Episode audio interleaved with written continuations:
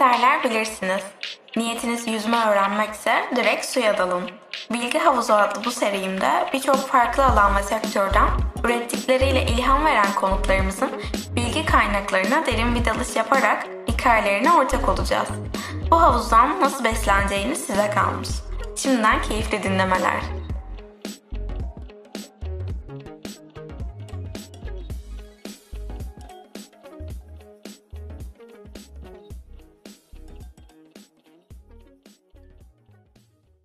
Herkese merhaba. Bilgi Etkisi Podcast'inin yeni bölümüne ve yeni serisine hoş geldiniz.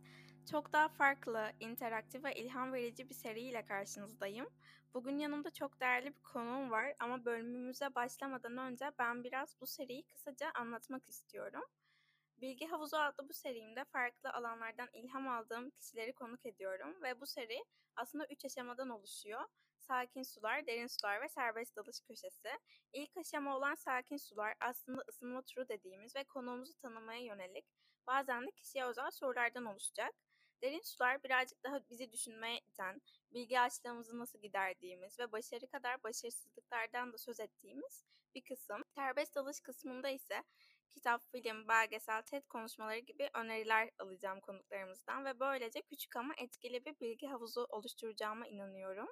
Ve bugünkü konuğum Gizem Ünlü. Öncelikle hoş geldiniz. Nasılsınız? Ben gerçekten çok fazla heyecanlıyım. Hoş buldum öncelikle. Çok iyiyim. Çok teşekkürler. Burada seninle olmak çok güzel. Sen nasılsın? Ben de çok iyiyim. Çok teşekkür ederim.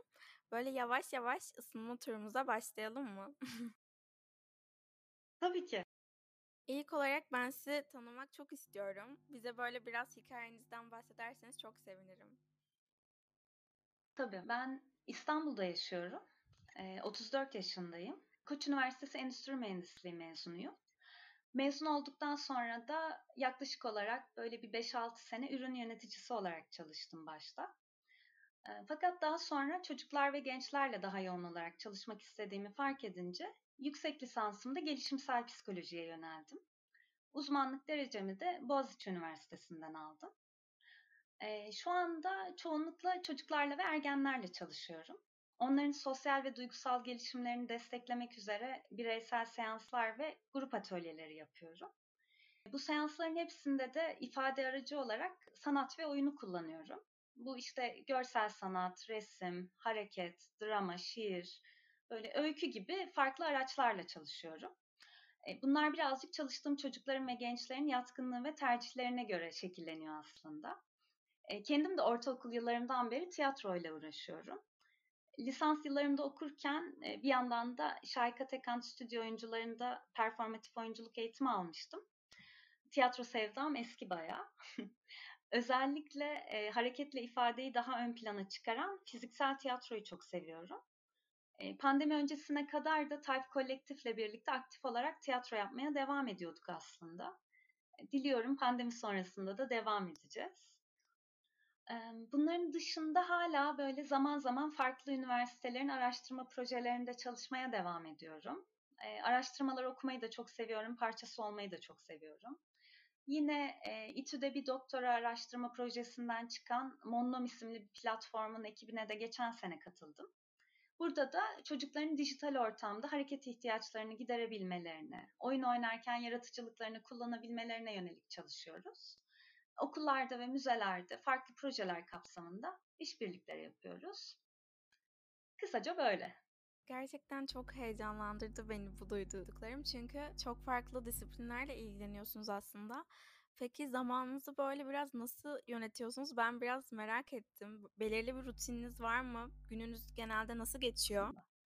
Her günüm birazcık birbirinden farklı geçiyor aslında.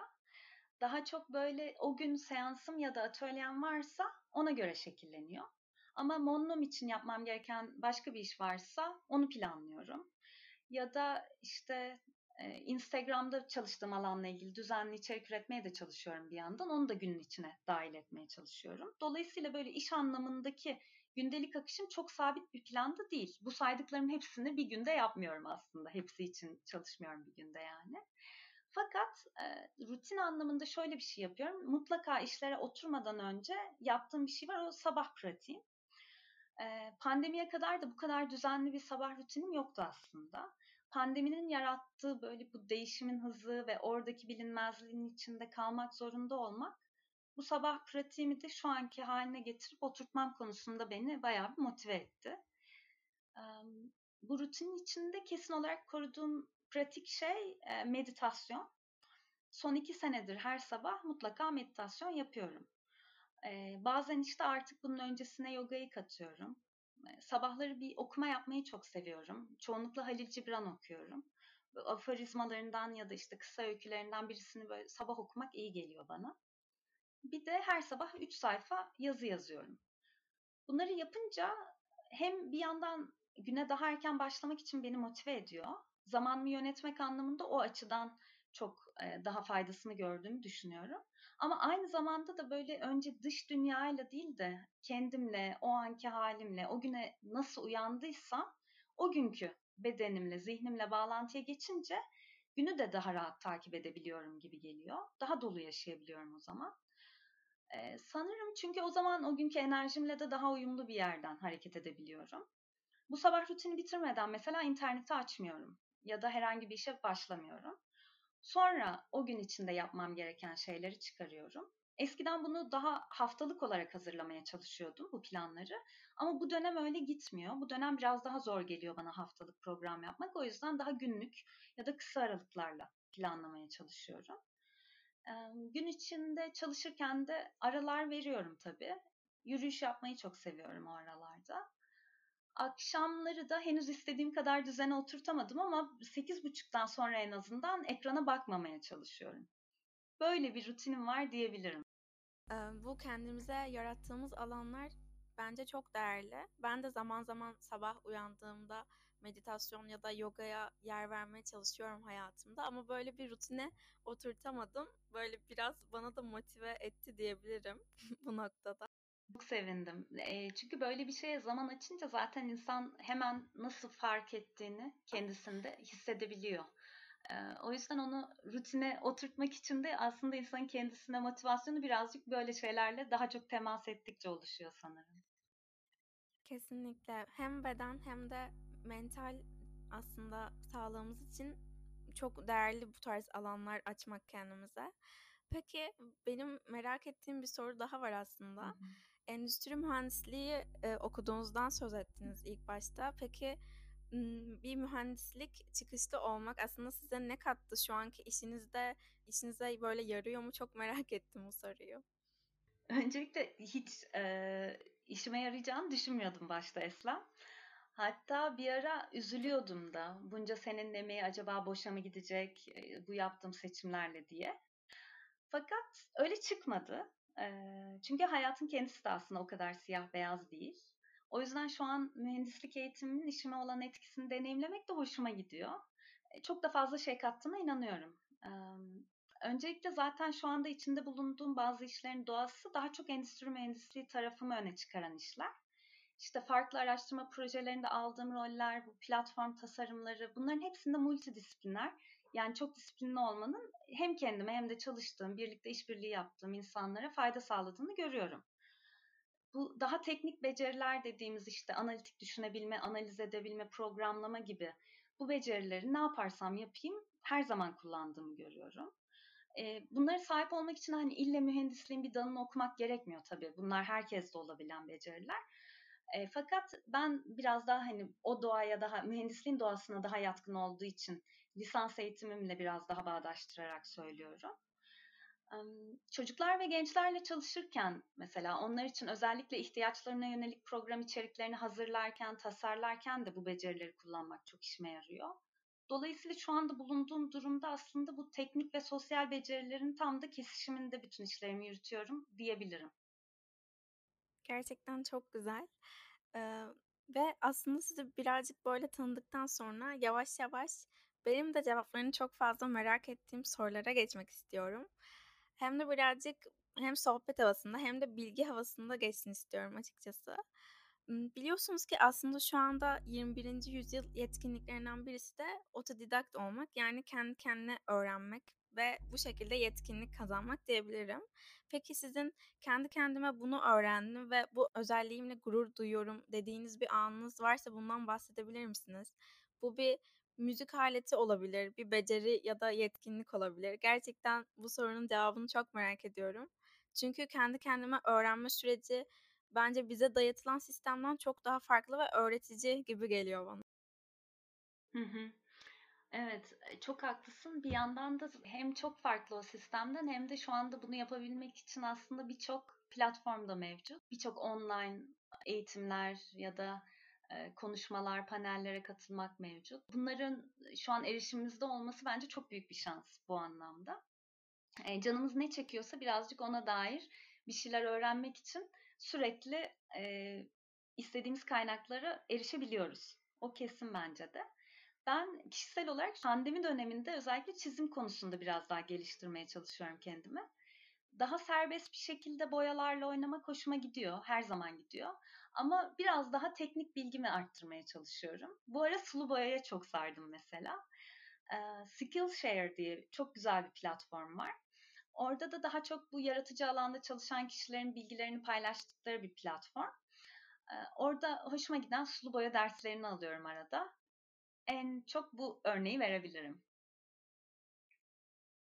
Peki aslında diğer böyle online eğitimlerden de bahsettiniz. En çok hangi platformları kullanıyorsunuz? Skillshare'den başka Hı-hı. kullandığınız platformlar var mıdır? Önerdikleriniz ya da buna baksanız iyi olur dedikleriniz varsa paylaşabilirsiniz. Seniz çok sevinirim. Tabii ki.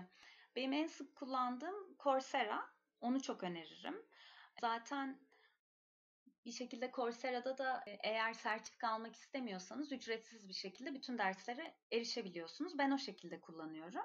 Bayağı da faydasını görüyorum. Coursera'da birçok alanda zaten online eğitim var. Ama benim daha çok ilgilendiğim alanda daha hani sosyal duygusal öğrenme, psikoloji alanlarında birazcık daha eğitimler çekiliyorum diyebilirim.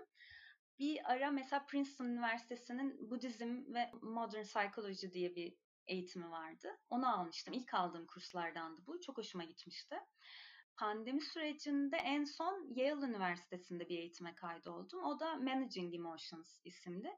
Bu da yine sosyal ve duygusal öğrenme odaklı hazırladıkları stres ve belirsizlik durumlarında böyle duyguyu yönet duyguları yönetebilmeye dair bir eğitimdi.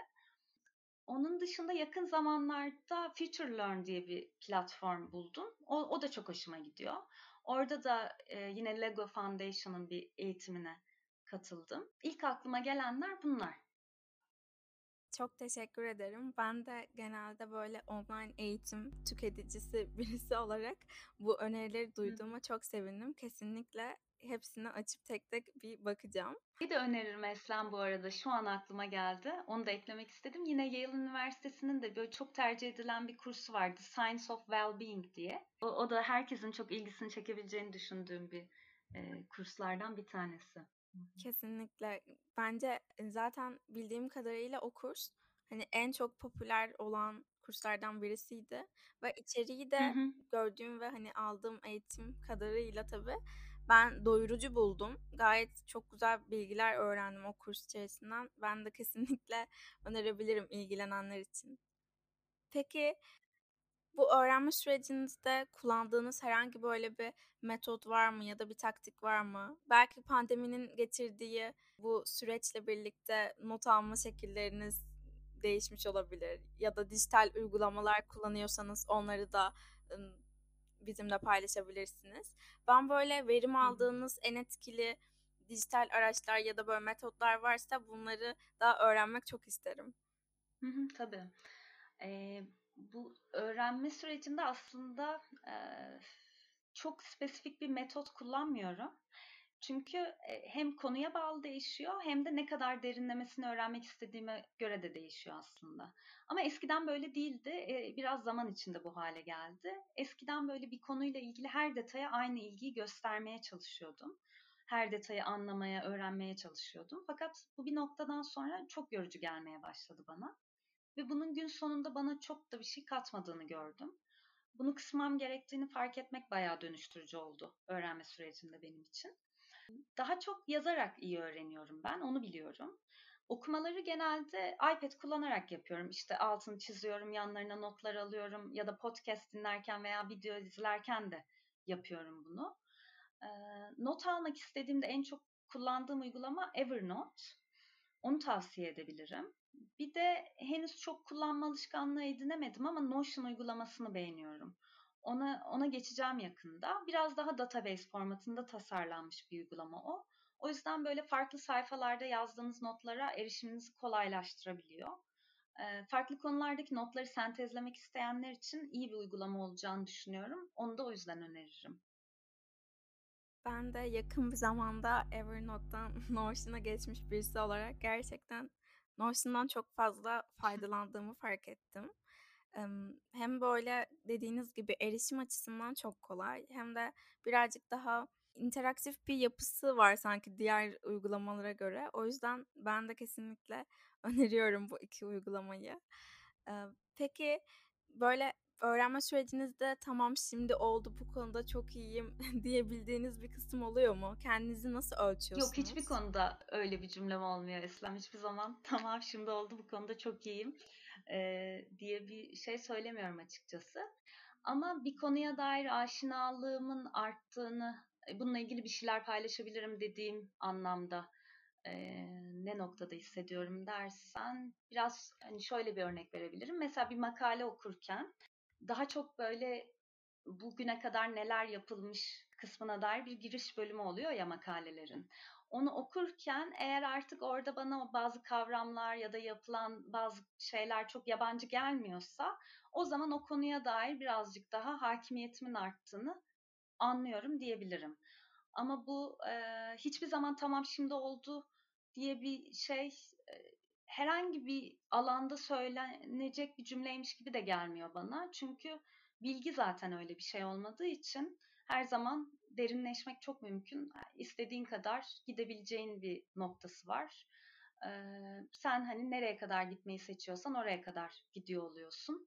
O yüzden e, her zaman devam etmek bana daha makul gelen bir yaklaşım. Kesinlikle. Aslında o hayat boyu öğrenci olma yolculuğu hiç bitmiyor dediğiniz gibi.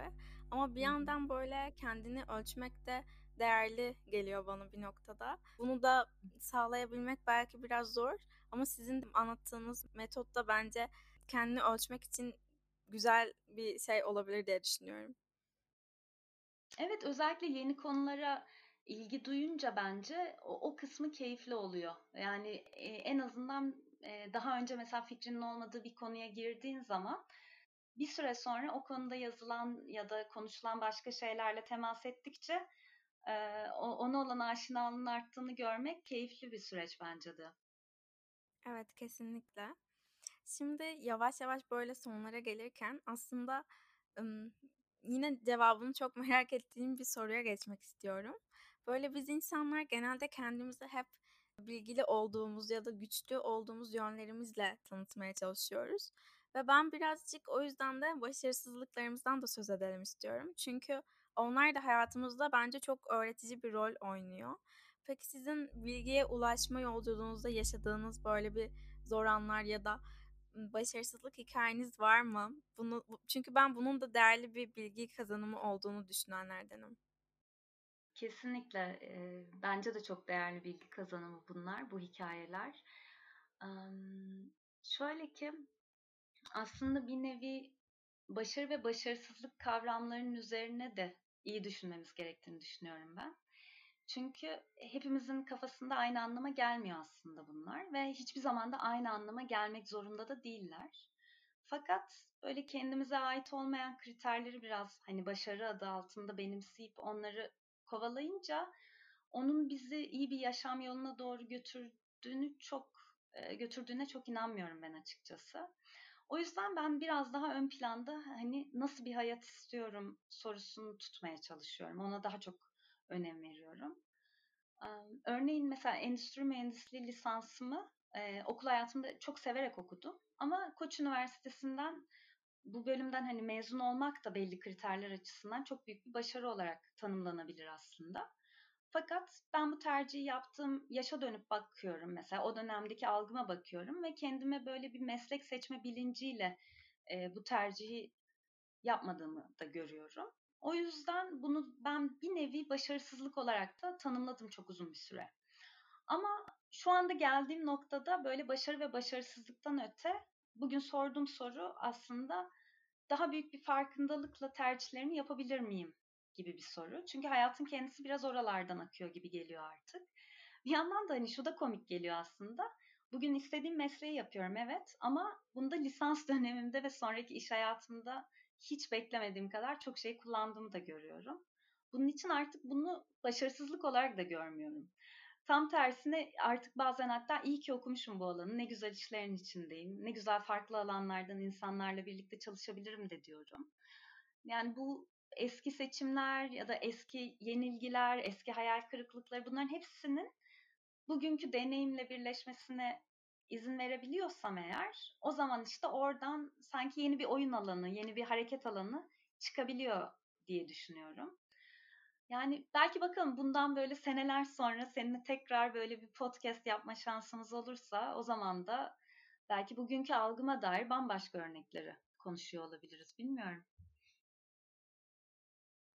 Evet, kesinlikle çok haklısınız. O başarısızlık ya da başarı kavramları bazen aslında bize ait e, tanımlar olmayabiliyor. Tamamen farklı yerlerden duyduğumuz ve zaten tanımlanmış olan sözcükler gibi de bir yandan bize ulaşıyor. Ama gerçekten başarı ya da başarısızlık sanırım kişiye özel ve e, çok çok değerli şeyler öğrenebiliyorsun o başarısız dediğin şey, olaylardan bile. Bence anlattıklarınız çok değerliydi. Çok teşekkür ederim. Rica ederim. Nereden baktın çok önemli oluyor kesinlikle. Ona katılıyorum. Yani ne yaşıyorsan yaşa, o yaşadığın şeyle sonra ne yapıyorsun ya da ona nereden bakıyorsun? Çünkü hep aynı açıdan baktığın zaman aynı şekilde görmeye devam ediyorsun aslında. Ama bazen birazcık o hafif bir açı değişikliği yapmaya çalışmak, ona niyet etmek de onu başlatan bir süreç oluyor. Bambaşka bir pencere açabiliyor insanın kafasında kesinlikle. Kesinlikle farklı böyle gözlüklerle bakmak olaylara çok e, insanı hem böyle rahatlatıyor belki de mental açıdan hem de dediğiniz gibi farkındalık aslında bunun adı bir yandan. Dolayısıyla Hı-hı. çok değerli bir şey bunu da tekrardan dile getirmek. Şimdi böyle yavaş yavaş tekrar sona yaklaşırken aslında ben öneri almak istiyorum sizden. Son kısmı serbest dalış köşesi olarak adlandırmıştım ve burada böyle iki konu üzerinde durmak istiyorum. İlkinde hayatınıza dokunan ya da sizi oldukça böyle düşündüren önerilerinize yer vermek istiyorum. Bu bir kitap olabilir, belgesel olabilir, film olabilir, aklınıza gelebilecek herhangi bir şey olabilir. Örneğin hayatınıza en çok dokunan kitapları, sizi sorgulatan belgeselleri e, paylaşabilirseniz ilk noktada çok sevinirim. Ve ikinci olarak da kendi uzman olduğunuz alan ile ilgili yapacağınız önerileri çok merak ediyorum açıkçası. Hı hı. Tabii. Ee, önce bu genel öneriler içinde daha çok aslında kitap önerileri vermek isterim. Ee, ilk olarak Julia Cameron'ın Sanatçının Yolunu önerebilirim. Bu yaratıcılık üzerine bir kitap hepimizin içindeki var olan yaratıcı güçle temas etmemizi ben çok önemsiyorum ve bunun içinde çok büyük eylemlerde bulunmamıza gerek yok aslında. Gündelik hayatımızda da böyle küçük adımlar atabiliriz buna dair. Sanatçının yolu da bunu destekleyecek şekilde hazırlanmış bir kitap. 12 hafta boyunca takip ettiğiniz bir programdan oluşuyor ve e, benim bu programın başında söylediğim her sabah yazdığım 3 sayfa vardı ya o aslında bu kitabı okuduktan sonra sanırım iki sene geçti üzerinden. Hala devam ettiğim bir pratik. E, sabah sayfaları. E, herkese mesleği, yaşı ne olursa olsun çok şey katacağına inandığım bir kitap bu. E, ilk olarak bunu söylemek isterim. Ursula Le Guin'in her şeyini önerebilirim. Kesinlikle bütün romanları, şiirleri, deneme yazıları hepsini. Hepsi bana çok dokunan eserler. Böyle sürekli kendi normları, kendi düzeni olan farklı dünyalar kurup onun içinden bizim aslında bugün buradaki insan olma halimize dair çok şey söylemesi benim çok hoşuma gidiyor. Daha önce hiç okumamış olanlar varsa Yer Deniz serisinden başlamalarını öneririm. Altı kitaplık bir seri bu. Benim favorim ilk kitap olan Yer Deniz Büyücüsü. çizgi roman okumayı sevenler için gün gezgini öneririm. Ben bunu mesela çok zor bir dönemden geçerken çok sevdiğim birisi bana önermişti. Ve özellikle bana dokunmasının sebebi de böyle hayatın kurgusunun aslında ne kadar değişken olabileceğini, sürekli yenilendiğini göstermesi oldu. Bugünlerde de çok iyi gelebilir bence bu kitap. Onun dışında Halil Cibran'ı okumayı çok sevdiğimi söylemiştim. İçlerinde Türkçe okuduğum öteki yayınlarından çıkan Gezgin var. Onu öneririm.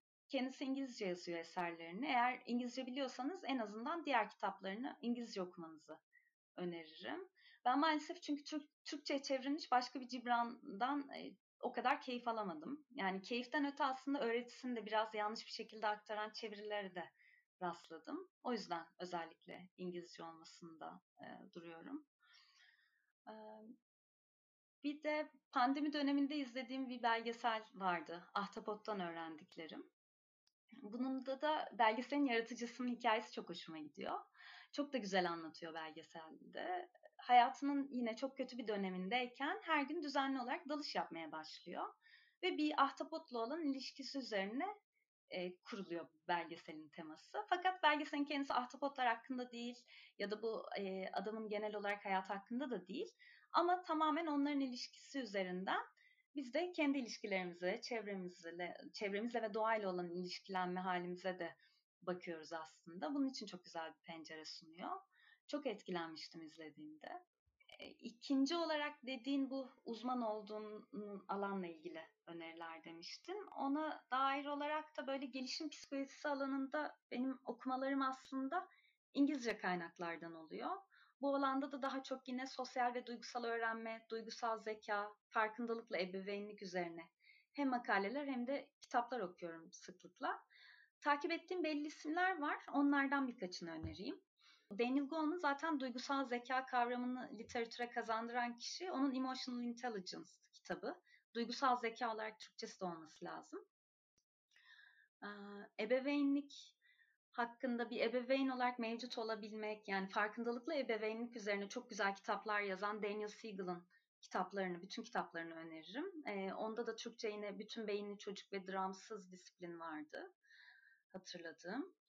Ee, John Gottman'ın güzel kitapları oluyor. Bu da daha çok ilişkiler üzerine araştırmalarını yapıyor aslında.